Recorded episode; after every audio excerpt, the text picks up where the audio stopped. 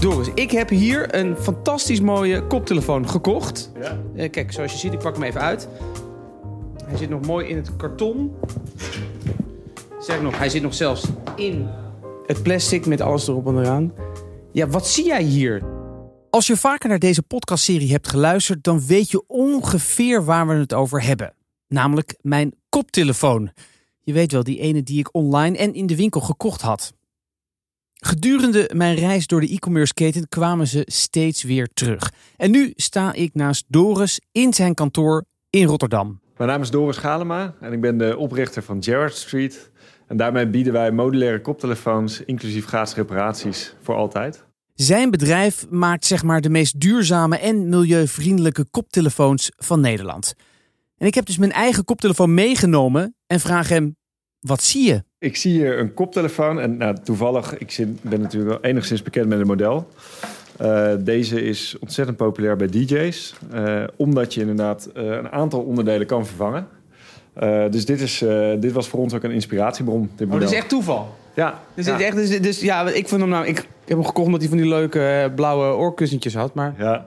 hier word jij wel blij van, van deze koptelefoon. Nou, ik vind dit wel een mooi voorbeeld inderdaad van, eh, van hoe het anders kan. Eh, hier zit alsnog... Het, kijk, het grote verschil bij deze is dat zij verdienen eraan als eh, die koptelefoon stuk gaat.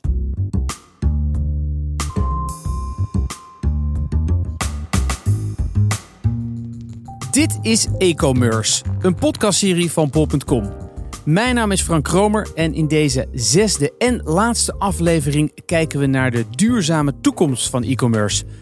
Of misschien beter gezegd de circulaire toekomst. Want e-commerce kan de logistiek, de verpakkingen en de magazijnen nog zo duurzaam inrichten. Als we op deze manier blijven consumeren, dan blijft er weinig over van onze geliefde planeet. Dus hoe gaat die toekomst er duurzaam uitzien? En welke rol speelt e-commerce daarin? Maar wat is circulair nu ook weer precies? Ik vraag het aan oud-From-minister Jacqueline Kramer. Mijn naam is Jacqueline Kramer en ik ben vooral de laatste tien jaar bezig om te zorgen dat de grote transities op het gebied van energie en van circulaire economie in de praktijk van de grond komen en uitgevoerd worden. Wat is nou precies circulaire economie? Als we dat kort zouden moeten omschrijven. Dat is dat je zorgt dat je van een lineaire economie, waarbij je je producten na een keer gebruik weggooit en eh, daarmee dus eh, vernietigt, dat je zorgt in een circulaire economie dat producten, materialen en ook grondstoffen zo lang mogelijk in die kringloop blijven, opdat we niks verspillen en geen verliezen hebben naar het milieu, eh, omdat we veel te veel uitstoten We consumeren te veel. de voorspellingen zijn dat wij gewoon helemaal niet genoeg mogelijkheden hebben om iedereen te voeden in de toekomst. De vergelijking is treffend dat in 1970 wij aan één aarde genoeg hadden om iedereen van alles te voorzien. Nu zitten we al op 1,75 aarde die we nodig hebben. En in 2050 is de voorspelling dat we drie aardes nodig hebben. Waar halen we in hemelsnaam die grondstoffen vandaan? Die zijn er gewoon niet meer. Of ze zijn gigantisch duur. En sommige zijn heel kritisch. En zijn er dan gewoon onvoldoende. Drie aardes in 2050. Dat betekent dat we echt aan de slag moeten met ruimtekolonisatie. Alle gekheid op een stokje, we moeten echt stappen gaan maken, want anders is onze aarde gewoon op.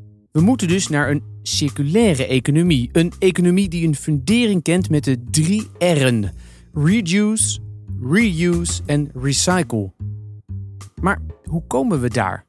Babette Porcelein, schrijver van het boek De Verborgen Impact, je hoorde haar al in aflevering 2, die heeft wel wat ideeën. Het eerste is dat ehm, die businessmodellen natuurlijk niet in de haak zijn. Hè? Dus dat je geld verdient met heel veel eh, nieuwe spullen verkopen. Dat is in, in, in bodem al niet duurzaam. Dus eigenlijk wil je gewoon geld verdienen met zo min mogelijk producten verkopen. En dat doe je natuurlijk door verhuren, bijvoorbeeld. Dus door leasemodellen, leasecontracten. En, en dan ben je er ineens als producent bij gebaat dat die dingen zo lang mogelijk meegaan. En dat wil je natuurlijk. Dus dat is, eh, dat is een hele simpele ingreep. Lenen dus. Het is een bekende kreet die we de afgelopen jaren al vaak langs hebben horen komen. De abonnementen-economie. Ook Jacqueline Kramer ziet het echt als een noodzakelijk en economisch interessante shift. kijk maar eens naar die verdienmodellen. Die zijn heel interessant hoor. Mensen kijken er niet naar, maar eh, daar verdienen ze goed aan. En, en de mensen vinden het prettig, want ze hebben behoefte aan een gebruik van iets, maar niet altijd. Dus hetzelfde met gereedschap bijvoorbeeld. Waarom heeft iedereen een, een doos met uh, gereedschap? Dat is omdat wij allemaal een, een hamer en, en, een nijptang en weet ik veel wat allemaal kopen. Maar en dan leggen we het nadat we hebben verbouwd, leggen we het weer jaren weg. Ja. Dus waarom dat soort uh, zaken niet gewoon voor één keer uh, lenen? En je betaalt een tientje per dag. Nou, klaar is het. Je hebt ook geen opslag, je hebt geen rommel in huis. Een ander probleem is dat producten momenteel gewoon veel te goedkoop zijn, omdat niet alle kosten bij productie worden meegenomen. Maar daar is volgens Babette Porcelein een oplossing voor. Het andere wat ook echt de hele economie de goede kant op gaat duwen, is als we naar een systeem toe gaan waarbij schadelijke impact beprijsd gaan worden. Dus niet alleen de CO2-uitstoot, maar alle soorten impacts. En dan krijg je eigenlijk een systeem van true pricing, waarbij dus um, het hartstikke duur is om het milieu te vervuilen. En uh, dat is niet zo dat dan producenten dan maar gewoon hele dure producten gaan blijven verkopen, want ze zijn natuurlijk uit de markt geprijsd. geprijsd. En uh, wat, ze, wat ze dan gaan doen, is kosten drukken. dat, dat doen bedrijven nu sowieso allemaal al. En als je dat in zo'n situatie waarbij de true pricing bestaat, kosten gaat drukken, betekent het dat je moet gaan verduurzamen. Anders heb je namelijk die hele hoge kosten. Dus dan duwt de economie ons ineens de, de goede kant op. En dan zul je vanzelf zien dat uh, die lease-constructies en zo ineens veel goedkoper en aantrekkelijker gaan zijn, omdat je enorm veel milieu-impact bespaart. Dus dan, ja, dan worden ondernemers ineens enorm creatief en die gaan er gewoon vanzelf die, gaan dan uh, brainstormen en nadenken over: oké, kosten besparen, dus verduurzamen. Hoe gaan we dat doen? Dan ga je dus zien inderdaad dat de tweedehandsmarkt uh, veel beter gefaciliteerd gaat worden dan nu, want het is nu toch een beetje houtje touwtje. Dat producenten producten gaan, gaan veel meer gaan terugnemen met statiegeld, dat soort dingen. En leasecontracten, servicecontracten dat soort dingen ga je dan veel meer zien. Maar dat betekent ook dat we de mensen wat meer moeten opvoeden. Want ja, het bezit is nu het grootste goed. Ik bedoel, ik vind het ook irritant als ik ergens aan vast zit met een leasecontract. Vind ik tenminste. Moet ik de hele elke maand betalen. Doe ik liever in één klap koop ik het. denk ja, het is voor mij lekker. Ja, dus ik moet ook anders gaan denken. Ja, ja, nou, dat, daar, dat is, kijk, voor de, voor de mensen die daar geen zin in hebben, dan daar zal die true pricing sowieso ook uh, vanzelf al de goede kant op duur. Want die heeft, ja, consument heeft meestal ook geen zin om extra geld uit te geven. Toch ook vaak op zoek naar de goedkopere alternatieven. En dan zal je vanzelf zien dat zo'n uh, duurzaam alternatief goedkoper is dan een onduurzaam alternatief. Kijk, laat ik een voorbeeld geven wat, wat niet per se uh, spullen gerelateerd is. Maar een treinticket naar Madrid is gewoon tien keer zo duur als een vliegticket naar Madrid. Terwijl het tien keer zo duurzaam is. Dus dat is natuurlijk helemaal de, de wereld op zijn kop eigenlijk. Um, en daarom vliegen mensen dat, dat end. Um, natuurlijk ook omdat de trein doe je wat langer over. Maar goed, daar kun je natuurlijk wel weer de lol van inzien. Maar goed, als, als de, de, de treinreis veel goedkoper was dan de vliegreis, dan zou toch een heel groot deel van de vliegers naar de trein overstappen. Daar heeft Babette natuurlijk wel een punt. Want uiteindelijk betalen we allemaal als samenleving mee aan die goedkope vliegtickets. Want de investeringen om klimaatveranderingen tegen te gaan, die komen uit belastinggeld. Maar goed, genoeg theorie. Het is duidelijk dat we op zoek moeten naar andere businessmodellen. Ook voor platformen en webshops. Maar voordat we daarin duiken, laten we eerst even teruggaan naar mijn koptelefoon. Want een duurzaam en circulair alternatief is dus de koptelefoon van Gerard Street. Zij zijn de toekomst. Wie bij hen een koptelefoon bestelt, krijgt die, hoe kan het ook anders in deze serie, via de post. Je ontvangt een koptelefoon. In een soort uh, halve pizzadoos? ja, exact. Ja. In een brievenbuspakket. Je zet hem dus ook zelf in elkaar. Uh, en dit zijn de modules. Je hebt twee klankkasten. Je hebt twee oorkussens. Een hoofdkussen. Uh, dan heb je de metalen hoofdband.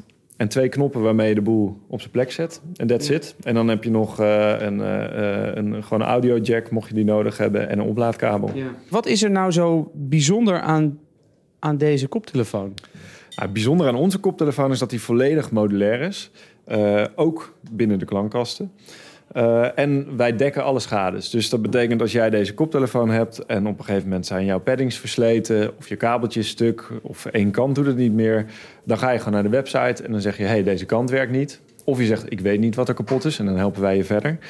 En dan krijg je de volgende dag een nieuw onderdeel thuis in een envelopje. En daarbij zit een retour-envelop, zodat je het oude onderdeel weer naar ons kan sturen en wij dat kunnen hergebruiken. Maar dat kan toch helemaal niet uit? Uh, ja, dat kan dus wel uit. Ja, hoe kan dat dan? Nou, een van de, van de slimste dingen is uh, dat de koptelefoon modulair is. Dus eigenlijk voer jij de reparatie zelf uit. Mm -hmm. Dus het is niet zo dat wij een hele koptelefoon terug gaan halen en zelf gaan kijken hoe we die kunnen repareren. Dat is een belangrijk deel. Het tweede is dat alles door de brievenbus kan. Daardoor kunnen we ontzettend goedkoop onderdelen op en neer sturen. Uh, ja, en het laatste is, als jij uh, als producent ervoor verantwoordelijk bent dat alles kapot gaat, dan denk je wel drie keer na over hoe je het ontwikkelt. En dan maak je hem dus ook zo dat hij nooit stuk gaat. Dus bijvoorbeeld deze hoofdband. Kijk, het is een stuk goedkoper om die van kunststof te maken, zoals, uh, nou, zoals deze bijvoorbeeld. Ja. ja. dan weet je op een gegeven moment dan breekt dat, of, of die scharniertjes die, die werken niet meer. maar ja, dat maakt niet zoveel uit, want mensen kopen een nieuwe koptelefoon en zolang die het maar lang genoeg doet, is het wel best. In ons geval, wij hebben dus een metalen hoofdband. Dat is wat duurder, maar ja, dat betaalt zich wel uit eh, op de lange termijn. En zijn het ook zeg maar, gerecyclede uh, producten? Zeg maar, uh, is het ook, of is het nieuw plastic? Of niet? Nee, dat, dat willen we heel graag. Dat is wel echt de volgende stap. Maar we merken nu in de fabriek al... Uh, die mensen die zitten er niet op te wachten dat alles modulair is. En die vinden dat maar raar. En die zeggen, hoezo, hoezo mogen we niet gewoon lijmen? is veel makkelijker. En nu moeten ze het met rubberringen en zo zorgen... dat het alsnog akoestisch helemaal dicht is. Uh, en we hebben dus al een paar keer op tafel gelegd... dat we willen werken met gerecyclede materialen. Nou, daar merk je, dat is wel echt... Uh, dat, is, dat is de volgende stap. De maakindustrie en producenten zitten dus nog vast in hun oude patroon van produceren. En dat komt weer door die businessmodellen.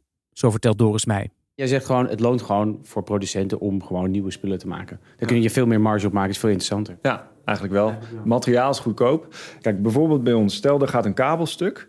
Uh, als wij dan die kabel terughalen die kapot is, dat de materiaalwaarde is veel minder dan alleen al de verzendkosten. Uh, dus, dus daar draai je eigenlijk verlies op. Dat doen we puur omdat, we, omdat dit was wat wij wilden. Onze missie was om een product te ontwikkelen dat nooit meer wordt weggegooid. Dat vinden we ook het gave eraan.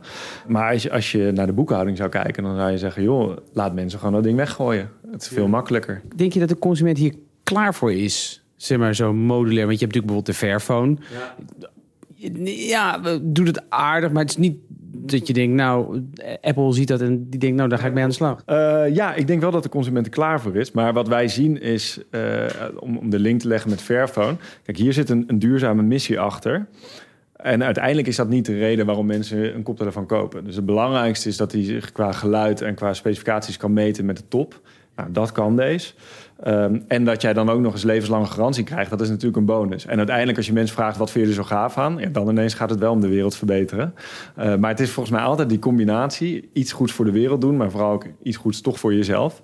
Dat is wat werkt. De route naar een circulaire economie wordt dus langzaam duidelijker. Minder produceren, leenmodellen, betere producten en modulair.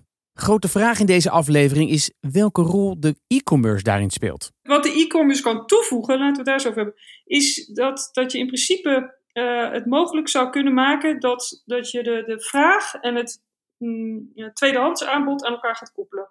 Uh, en dat je ook gaat regelen dat de grondstofstromen of de productstromen uh, terugkomen bij de producent. Dus inderdaad circulair. En dat is natuurlijk wel op zich wel een, een kans die je misschien als je het digitaal organiseert allemaal uh, wat makkelijker kunt realiseren dan fysiek in de winkel. Waar het allemaal wat, nou, toch wat anoniemer gaat dan, uh, dan online.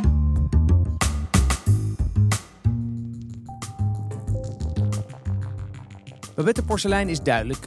Maar hoe zit het met de platformen zelf? Hoe zien zij hun rol? En nog belangrijker, wat is hun visie? Tijd om eens naar Utrecht te rijden, naar het hoofdkantoor van Pol.com. Pol.com. Hi, goedemiddag. We komen voor Boukje Taphoorn. Ja, prima. Kom verder. Ik ben Boukje Taphoorn. Ik ben Chief Marketing Officer bij Bol.com. Als we eenmaal zitten in een van de vergaderruimtes, vertelt Boukje dat zij bij Nederlands grootste platform al volop bezig zijn met de R'en van circulariteit. Recycle doen we al ontzettend veel aan. Hè. Als jij een nieuwe wasmachine koopt, dan wordt de oude meegenomen. En hebben we goede afspraken met de fabrikanten dat daar zoveel mogelijk uh, materiaal uit gerecycled wordt. Repair is ook een belangrijk onderdeel. Dus hoe zorg je ervoor dat als jouw koffiemachine stuk gaat, dat je koffiemachine gerepareerd wordt en dat je dus niet een nieuwe hoeft te kopen. En reuse is uh, tweedehands, waar we veel samenwerken met, met partners die tweedehands producten, zoals dat vaak wordt genoemd, aanbieden. En eigenlijk is dat circulair. Zie jij het voor je dat je over vijf, tien jaar alleen nog maar duurzame, recyclebare, misschien wel circulaire producten verkoopt. En dat die goedkope, tussen goedkope producten uh, er niet meer zijn, die eenmalige producten? Ja, ik denk dat, kijk, 10, 15 jaar is best ver weg. Het is heel moeilijk te voorspellen waar we dan staan met z'n allen. Ik denk dat wij uh, nu heel goed bezig zijn om in elk geval in uh, nu al de helft van onze uh, schappen en volgend jaar in alle schappen een duurzaam alternatief te hebben. En dan is het uiteindelijk ja, ook aan uh, de klant, hè, wat kiest de klant, maar ook aan onze inzet, hoe goed we dat zichtbaar maken, hoe goed we dat beschikbaar maken, waardoor je op een gegeven moment een, een veel grotere bijdrage van het duurzaam assortiment in ons eigen assortiment ziet. Maar het begint met het gewoon heel beschikbaar maken, heel makkelijk maken. Ik zocht laatst een hoofdkussen omdat mijn uh, oudste zoon net uh, op kamers is gegaan. Ja, dan zie je heel makkelijk je een filter, duurzaam alternatief. En dan zie je 37 verschillende hoofdkussens die allemaal van duurzame materialen gemaakt zijn of op een een of ander keurmerk uh, hebben gekregen. Maar je zou ook kunnen denken, alternatief is leuk, maar het moet eigenlijk de standaard worden. Ja, maar ik denk dat het, uh, het is natuurlijk vaak nog duurder. Uh, duurzaam produceren is momenteel duurder dan uh, uh, goedkoop produceren. Dus het is ook niet altijd voor iedereen in elke aankoop weggelegd om de duurzame keuze te maken. En daar waar die er wel is, moeten wij er ook aanwezig zijn met het assortiment. De R die we nog niet gehad hebben is reduce. Dus hoe kijkt ze aan tegen die leenmodellen, de abonnementsvormen die breed omarmd worden in deze podcast? Wij kijken altijd naar uh, waar de klant behoefte aan heeft. Uh, en dan kijken we uh, ook naar lenen, we kijken ook naar huren. Het moet vooral passen in ons streven om het dagelijks leven wat makkelijker te maken. Ik, ik, denk dat een, een model als swapfiets werkt heel goed voor de fietsen. Er zijn best veel modellen nu al van grote fabrikanten... waar we bijvoorbeeld mee zouden samen uh, kunnen werken. We, we, hebben natuurlijk een partnermodel. Partners verkopen op ons platform. Grote producenten zijn inmiddels begonnen met de verhuur van producten. Ja, dat zou uiteraard ook via ons platform mogelijk te maken zijn. Dus daar kijken we zeker naar. De vraag is dan, is de vraag er bij de klant? Is het mogelijk vanuit de fabrikant? Kunnen we het binnen ons platformmodel uh, aanbieden? En dan kan het zeker iets zijn wat, uh, wat op een gegeven moment bij ons zal gaan gebeuren. Waar heeft de klant behoefte aan? Tja, dat is toch soms lastig in te schatten. Want weet de klant zelf eigenlijk wel waar die behoefte aan heeft? Als het aan Jacqueline Kramer ligt, neemt e-commerce daar een hardere stelling in. Ik vind dat e-commerce ook een rol heeft te spelen in wat voor producten ben ik eigenlijk aan het vervoeren naar de klant.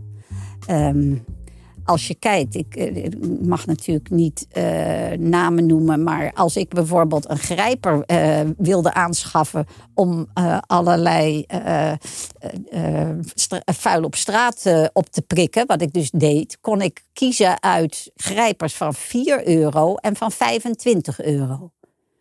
Toen dacht ik, ga die van vier niet kopen. Want daar klopt helemaal niks van. Um, en die kwamen ook uit andere landen. Ik zal niet zeggen welke. Maar ik had de neiging om te zeggen: waarom zou je dat op je site moeten hebben staan? Weet je wel hoe dat gemaakt is? En ben je wel in staat om de klant uit te leggen dat je dat op je site hebt staan? Dus het, de verantwoordelijkheid nemen voor wat je eh, verkoopt, ja, dat, dat gaat in de toekomst ook spelen. Absoluut. Want de, de mensen willen dat eigenlijk helemaal niet. En ze weten het niet. Ze denken, oh, lekker goedkoop. Ook bij Bob.com zijn ze bewust van hun rol. Ik vroeg aan Boukje welke producten we over een paar jaar absoluut niet meer op hun platform kunnen kopen. Uh, nou, dat is wel een goede vraag. Ik weet, kijk, als er nu een categorie zou zijn die ik er al meteen af zou willen halen, dan zou die er al niet meer op zitten. Dus we hebben vorig jaar uh, alle wegwerpplastic uh, weggehaald. De, de, de plastic bestek en bordjes en dergelijke, waar je gewoon prima duurzame alternatieven voor hebt. Toen werden we door de soepserver erop uh, gewezen dat we wel nog uh, um, spatplastic verkochten. Nou, spatplastic is een heel mooi woord. Ik ken het nog niet. Maar dat zijn uh, de, de waterballonnen en dergelijke. Dus letterlijk wegwerp... Spatplastic. Spatplastic. En dat is letterlijk wegwerpplastic. Dat is alleen maar gemaakt om op de grond te gooien. En dat is natuurlijk ja, helemaal niet duurzaam en heel slecht uh, voor het milieu. Dus toen hebben we dat ook onmiddellijk uh, weggehaald. Maar ook dat is, ontstaat toch weer uit een samenwerking. Dat ontstaat uit iemand, in dit geval de plastic soepserver, die ons erop wijst en zegt: Nou, heel goed gedaan met dat wegwerpplastic. Maar je ziet wel een categorie over het hoofd. En dat is spatplastic. Dus geen plastic rietjes ook meer? Geen plastic rietjes Niet meer. van die uh, parasolletjes die je dan zo in een cocktail kunt steken? Nee. nee. Nou, die zijn van papier, toch? Ja, en hout. Ja, maar ja, het is toch e eenmalig ja. gebruik. is ook zonde, toch? Ja, dat is waar. Dat is waar. Nee, zit er waarschijnlijk ook niet op. Nee. We hebben nog meer eenmalige producten. Nou, kijk, je, het is niet alle eenmalige producten. Nee, je wc-papier bedoel... is ook eenmalig. Ja, die verkopen we nog wel. Ja. Het gaat echt om, om de wegwerp. Uh, uh, ja, maar je kan ook zeggen, we doen alleen maar gerecycled wc-papier. Ja, maar daarin zeggen wij dus, wij maken het makkelijker om duurzaam te kiezen. Maar we, zijn niet alleen, we hebben niet alleen maar duurzaam assortiment. Dus we hebben wc-papier. En dan hebben we de categorie gerecycled uh, papier. En dat wordt dan ook aangemerkt met duurzame keuze. Dat wordt goed uh, ja, vindbaar gemaakt. Maar het is niet zo dat we alleen nog de good roll verkopen. Kijk, uiteindelijk is het de consument die bepaalt. Ja. Want uh, jullie kunnen wel heel veel mooie duurzame alternatieven aanbieden. Maar als de consument eigenlijk gewoon kiest voor de goedkope, tussen haakjes, nieuwe optie. Ja, dan zijn jullie wel gek om dat niet aan te bieden. Want dan komt straks uh, de CEO bij jou en die zegt: Ja, maar luister eens eventjes. We verliezen te veel omzet omdat iedereen, niemand die duurzame dingen wil. Ja, nou, ik heb laatst in een interview gezegd: ik ben blij dat we niet zo'n puur winstgedreven bedrijf zijn. Daar kreeg ik wat kritische vragen over ja. uit mijn familie. Uh, maar wat ik daarmee bedoel, is dat we juist uh, onze focus ligt op de lange termijn. En op de lange termijn vragen onze klanten een meer duurzame bedrijfsvoering. Dat zie je nu al aan de jongere doelgroep, die het nog belangrijker vindt dan de wat oudere doelgroep, dat we verstandig met het milieu omgaan. Dus ik denk dat dit nu al belangrijk is bij klanten. Dat het de groep klanten die dit belangrijk vindt alleen maar groter wordt. En daarmee ook een verstandige uh, ja, businessbeslissing is om je uh, bedrijfsvoering duurzamer in te richten. Dus het, het, is niet wollig en het is niet. Natuurlijk wil ik het goede doen voor de wereld. Maar niet uit goede doelgedachten alleen. Ook uit de gedachte dat je, dat, dat je daarmee een, een meer duurzame bedrijfsvoering voert. Omdat mensen het van ons verwachten. Onze werknemers willen liever bij ons werken als wij een, het juiste doen voor de wereld om ons heen.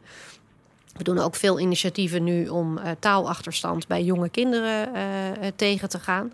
Ja, dat zijn dingen die we doen omdat we midden in de maatschappij staan. Omdat we echt een Nederlands-Belgisch bedrijf zijn. En onze impact willen maken op de wereld hier lokaal om ons heen. Maar ook omdat de mensen die bij ons werken... dat hen motiveert om voor bol.com te kiezen en om hier te komen werken. Dus het is, het, ja, het is ook gewoon good business sense om je uh, verantwoordelijk op te stellen hierin. Aangezien e-commerce alleen maar groter wordt, zal een verantwoordelijkheid in onze verduurzamingsslag ook alleen maar groter worden. En die verantwoordelijkheid moeten ze ook echt gaan pakken, zo vindt Jacqueline Kramer. E-commerce is zo snel opgekomen. Die hebben ook nog helemaal nauwelijks regelgeving waar ze wel en niet aan moeten voldoen. Ja, wel wat. Maar als je kijkt naar de vraagstukken waar we het nu over hebben, dan hebben ze maar weinig prikkels vanuit de overheid om zich anders te gedragen. Uh, dus het moet uit hunzelf komen. En ik verwacht dat de grote bedrijven uh, die uh, hierbij betrokken zijn, dat die ook zich realiseren van ja, maar wij moeten het ook anders doen. En heel veel bedrijven hebben ook in hun missiestatement staan dat ze voor die planeet ook willen zorgen. Nou, laat ze dan maar gewoon in de benen komen en versneld in de benen. Dat lijkt me een mooi devies. En een mooi einde van deze laatste aflevering. De mogelijkheden om te verduurzamen zijn er. In de logistiek, bij de magazijnen, in de verpakkingen en de businessmodellen. De e-commerce kan onze planeet echt beter maken. Nu alleen nog, hup, in de benen komen. Dit was e-commerce, een podcastserie van bol.com. Producent is Marco van Media en de redactie was in handen van Daniel van de Poppen. Eindredactie Sophie Berger. Montage Sam van Gennep en mijzelf. En de muziek was van Victor Butselaar. Mijn naam is Frank Romer. Dankjewel voor het luisteren. Dag.